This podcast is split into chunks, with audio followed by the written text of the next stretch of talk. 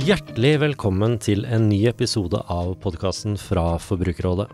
I løpet av de neste noen og 20 minuttene satser vi på å gjøre deg litt smartere og muligens en smule rikere. Og hvis du har kjøpt noe som ødelegger en ting du eier, da får du erstatning. Men når et menneske blir skadet, er det lite å hente. Det vil Forbrukerrådet endre på. Denne lyden er ganske hyggelig, men hvis det viser seg å være reklame som dukker opp som SMS på mobilen din, er det ikke så morsomt. Om litt får du høre hva som er lov, og hva som ikke er lov.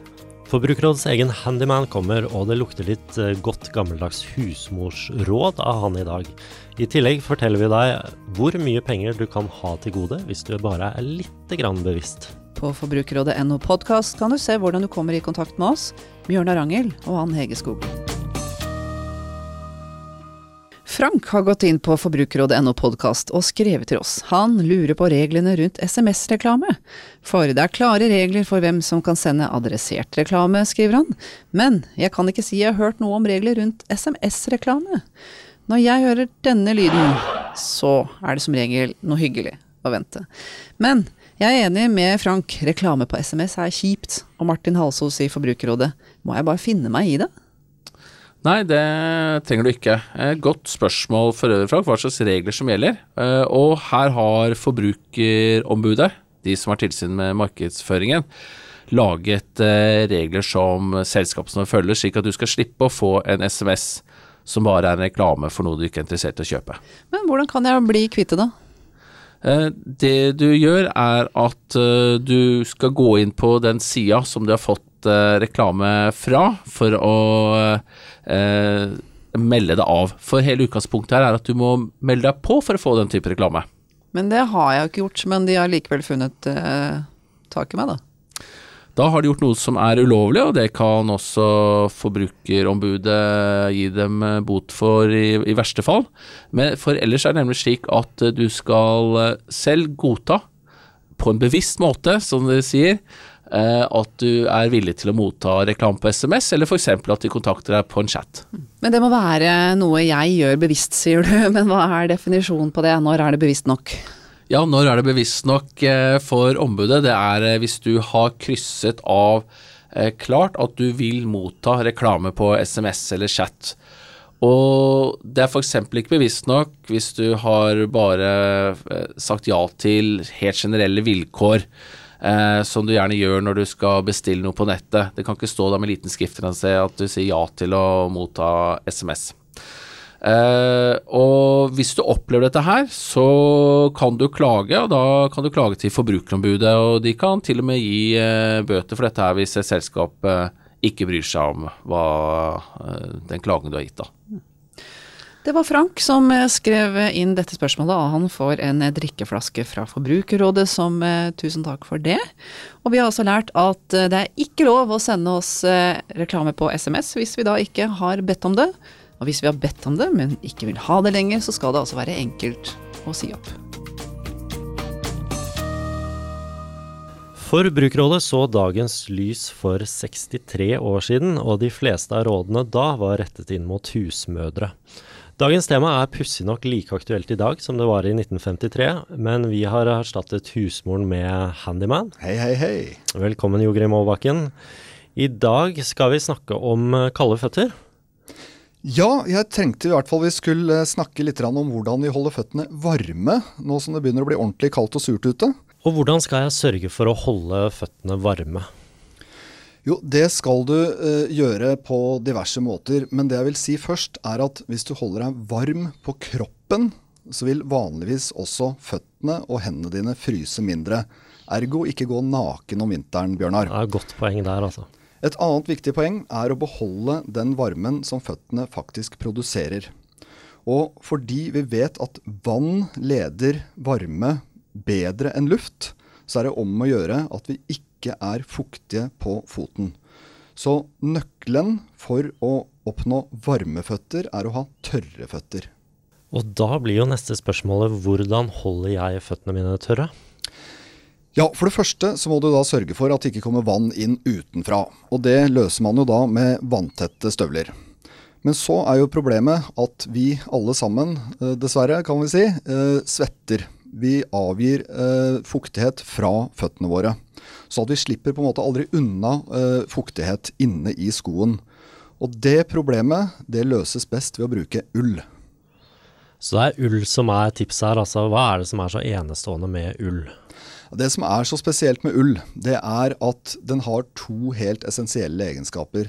Den er utrolig god til å holde på fuktighet. Den kan faktisk holde 30% av sin egen vekt eh, med fuktighet. Det betyr at mens en bomullssokk vil føles helt våt ganske raskt, så vil en ullsokk føles tørr, og dermed ikke lede varme bort fra foten. I tillegg så inneholder ull masse luft, og luft har jo da isolerende egenskaper. Så løsningen her er faktisk at vi alle skal gå og kjøpe oss ullsokker? Ja, det er det, eh, men ikke bare ullsokker. Vi foreslår i hvert fall at du begynner med å kjøpe et par tykke, gode ullsåler som du legger i bunnen av skoene dine. Så kjøper du deg to par med ullsokker. Først et tynt par som du har helt innerst, og så et tykkere par utenpå. Og da vil du også få luftlag mellom de to sokkeparene. Da høres det ut som man trenger store sko, og kjenner jeg deg rett, Jo Grim, så er det ikke hipp som happ hvilke type sko man kjøper seg? Nei, ingenting er hipp som happ, Bjørnar. Det er det aldri. Eh, det er helt riktig at skoene, eller vinterstøvlene, må være romslige. Og det er spesielt viktig da for barn, som jo i tillegg har føtter som vokser hele tiden. Eh, I tillegg så må støvlene være vanntette, som vi var inne på. Og det, eh, for å opprettholde vanntettheten, så vil veldig mange materialer være avhengig av at du husker å impregnere dem. Og det er spesielt viktig for barnestøvler, fordi at de jo slites på en helt annen måte enn de vi voksne har. Da må jeg spørre når det gjelder impregnering, hvilken type skal man velge? Velg en helt vanlig impregneringsspray som du kan kjøpe på skobutikken hos Biltema, Claes Olsson osv. Koster en 30-70 kroner, og så sprayer du skoene med dette når de er tørre og rene. Eh, så vil jeg bare ta med et par poenger til. Da, at det er veldig lurt at en vinterstøvel er høy, så at ikke du får eh, snø nedi eh, støvelen. Pluss når det gjelder barna, pass på at buksa eller dressen er utenpå skoen, da, for å ja, slippe å få snø nedi. Men hva nå om du er en skikkelig frysepinne? Er det noe mer du kan gjøre? Ja, altså disse tipsene vi har vært inne på nå, da, med ullsokker eh, i to par og ullsåler og vanntette sko, det vil vanligvis holde. Men det er klart det fins folk som har ekstreme utfordringer, f.eks. de som driver med trening om vinteren og svetter veldig mye. Da er ikke nødvendigvis ull det beste. Da kan det innerste laget være en syntetisk spesialsokk som er laget for å frakte fuktigheten videre ut til den tykkere ullsokken. Så har du jo også uh, folk som holder på med virkelig tøffe ting. Da driver og overnatter ute i telt på vinteren og sånne ting. Og der er det et sånt ekspedisjonstriks hvor folk bruker da en plastpose mellom de to sokkeparene. Da får du en såkalt fuktsperre, og da slipper ikke noe av fuktigheten videre. Og det holder faktisk varmen på foten. Men det blir neppe god lukt av det. Nei, det blir det eh, ikke. Men du har ikke noe mer moderne tips enn en plastpose? Altså, det var ikke bra nok det, nei. Ok, jo da. Vi har selvfølgelig batteridrevne varmesåler. Det er noe jeg har brukt med god erfaring i barnas slalåmstøvler. Eh, da sørger du virkelig for at du aldri fryser på føttene. Men det er klart, det er mye styr og årn med ledninger og lading av batterier osv. Eh, som en erstatning for sånne, så kan man kjøpe seg sånne kjemiske varmepakker som man brekker eller gjør noe annet med, og som da plutselig begynner å utvikle varme. Varer ikke så veldig lenge, men hvis du virkelig har begynt å fryse på føttene eller på hendene, så kan en sånn varmepakke være topp.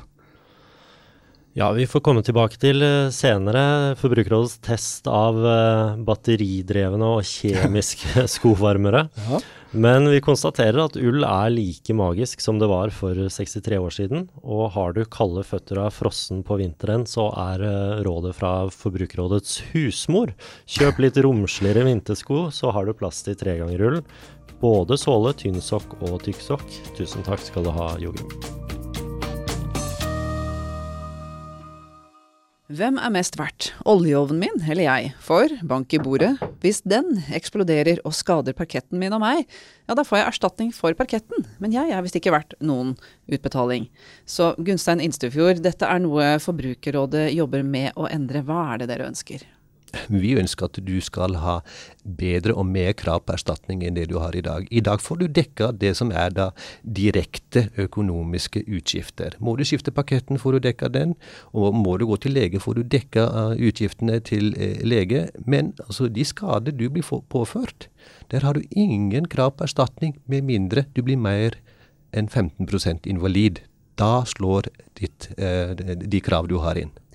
Og hva er det dere ønsker at man eh, skal få erstatning for i tillegg? Vi mener at vi skal ha krav på en smerteerstatning. Altså du kan påføre smerte og ubehag i lang tid, selv om du da ikke når grensa på 15% invaliditet. Her må vi få en form for erstatning, etter det vi kaller for erstatning for tort og svie. Har du eksempler på skader som ville fått eh, erstatning eh, som ikke gjør det i dag?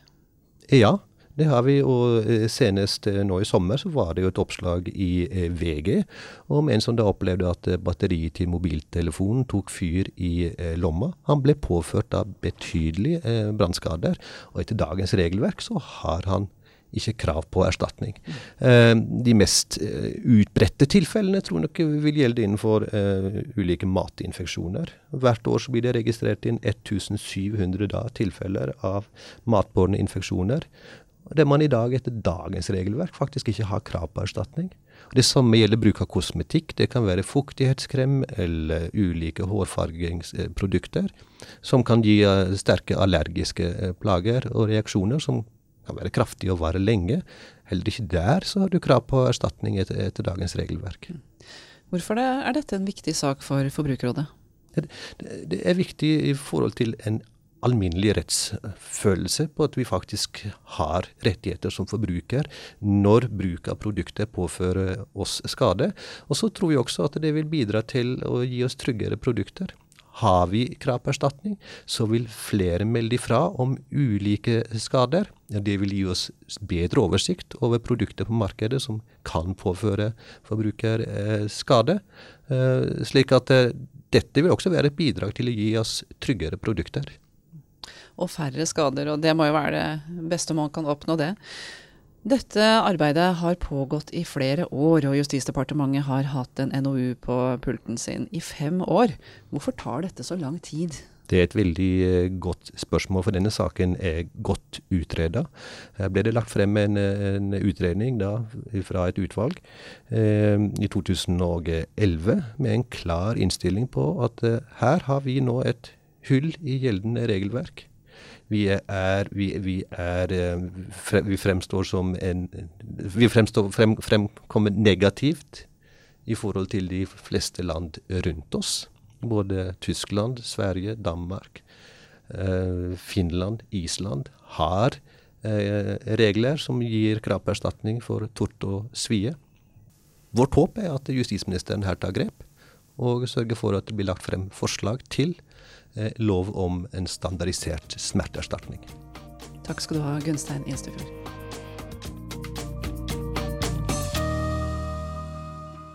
Hver uke har jeg lovet å gjøre dere litt rikere, og nå er spørsmålet, Ann Hegge, hva ville du brukt 16 000 kroner til? 16 000 kroner Ja, jeg er glad i å gå på kino, da. Så ok, jeg må vise regneferdighetene mine på eh, podkasten. Men det kunne bli sånn ca. 100 filmer og en Fox og en Ox, kanskje? Ja, så da er det bare å si Pål Bang-Hansen unna vei, for her kommer du. Men onsdag 16.11 hjalp Forbrukerrådet og FBI på NRK forbrukerne å spare penger på å bytte strømavtale, telefonabonnement, bank og forsikring. Og det viste seg å bli lønnsom business for forbrukerne. Og en stor del av landet har jo vært inne på finansportalen ennå siden også. Men det var særskilt fire familier som vi hjalp eh, spesielt. Det er riktig, og i gjennomsnitt sparte vi disse familiene for nesten 16 000 kroner hver ved å bruke bl.a. Forbrukerrådets sammenligningstjenester. Og familien som sparte mest, sparte hele 25 952 kroner i året, og det er mye kino. Så neste gang du tenker at det er noe styr å bytte bank og forsikring, tenk heller på alt du kan spare ved å gjøre det, og ikke minst, tenk på hva du ville brukt 16 000 kroner på. Og der kan vi slå fast at du vet hvordan føttene skal holdes varme gjennom vinteren, og at det er store penger å spare på byttebank og forsikring. Mer av dette kan du få ved å abonnere på Forbrukerrådets podkast, og vi blir veldig glad om du liker oss godt nok til å gi oss stjerner i iTunes. Du har fått høre at Forbrukerrådet jobber for at du skal kunne få erstatning hvis du blir skadet av et produkt, samt at du skal slippe å få reklame på SMS hvis du ikke vil, da. Og er det noe du lurer på, kan du sende oss spørsmål på forbrukerrådet.no podkast, ser du hvordan du kan komme i kontakt med oss. Vi kan friste med en flott drikkeflaske til et av forslagene vi bruker.